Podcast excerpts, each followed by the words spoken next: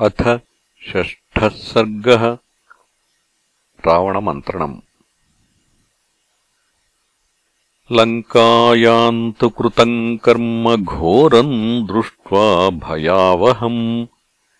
राक्षसेन्द्रो हनुमता शक्रेणेव महात्मना अब्रवीद्राक्षसान् सर्वान् ह्रिया किञ्चिदवाङ्मुखः धर्षिता च प्रविष्टा च लङ्का दुष्प्रसहा पुरी तेन वानरमात्रेण दृष्टा सीता च जानकी।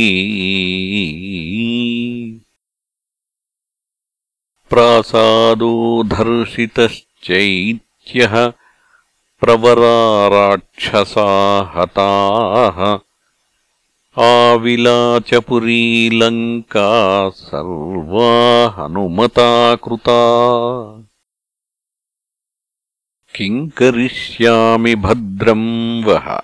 किम् वा युक्तमनन्तरम् उच्यताम् नः समर्थम् यत् कृतम् च सुकृतम् भवेत्। मन्त्रमूलम् हि विजयम् प्राहुरार्यामनस्विनः। तस्माद्वै रोचये मन्त्रम् रामम् प्रति महाबलाः। त्रिविधाः पुरुषालोके उत्तमाधममध्यमाः। तेषाम् तु समवेतानाम् गुणदोषौ वदाम्यहम्।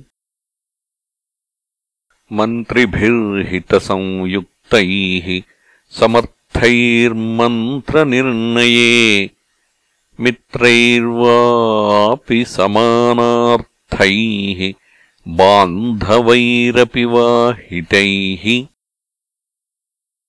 सहितो मन्त्रयित्वा यः कर्मारम्भान् प्रवर्तयेत्। दैवे च कुरुते यत्न् तमाहुः पुरुषोत्तमम्।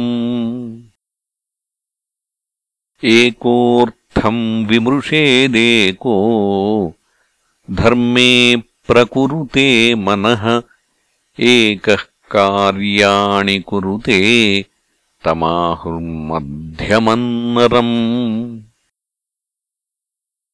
गुणदोषावनिश्चित्य त्यक्त्वा धर्मव्यपाश्रयम् करिष्यामीति यः कार्यम् उपेक्षेत् स नराधमः। यथेमे पुरुषा नित्यम् उत्तमाधममध्यमाः एवम् मन्त्रा हि विज्ञेया उत्तमाधममध्यमाः। ऐकमत्यमुपागम्य शास्त्रदृष्टेन चक्षुषा। मन्त्रिणो यत्र निरताः तमाहुर्मन्त्रमुत्तमम्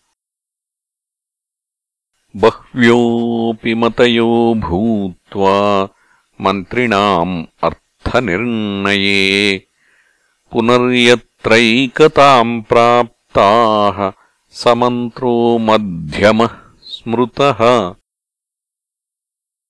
अन्योन्यम् मतिमास्थाय यत्र सम्प्रतिभाष्यते। न चैकमत् श्रेयोऽस्ति मन्त्रः सोऽधमौच्यते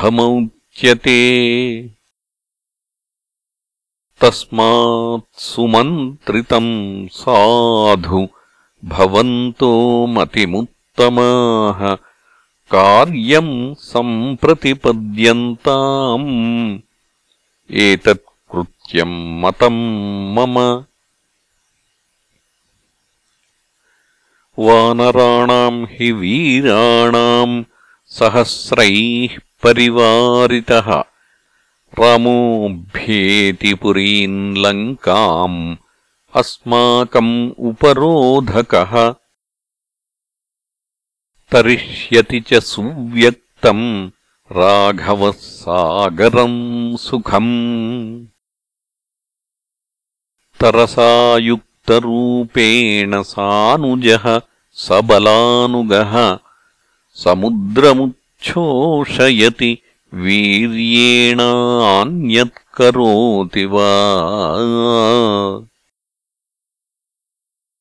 अस्मिन्नेवम् गते कार्ये विरुद्धे वानरैः सह।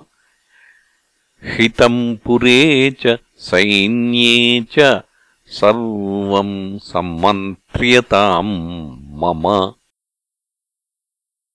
इत्यार्षे श्रीमद् रामायणे वाल्मीकीये आदिकाव्ये युद्धकाण्डे षष्ठः सर्गः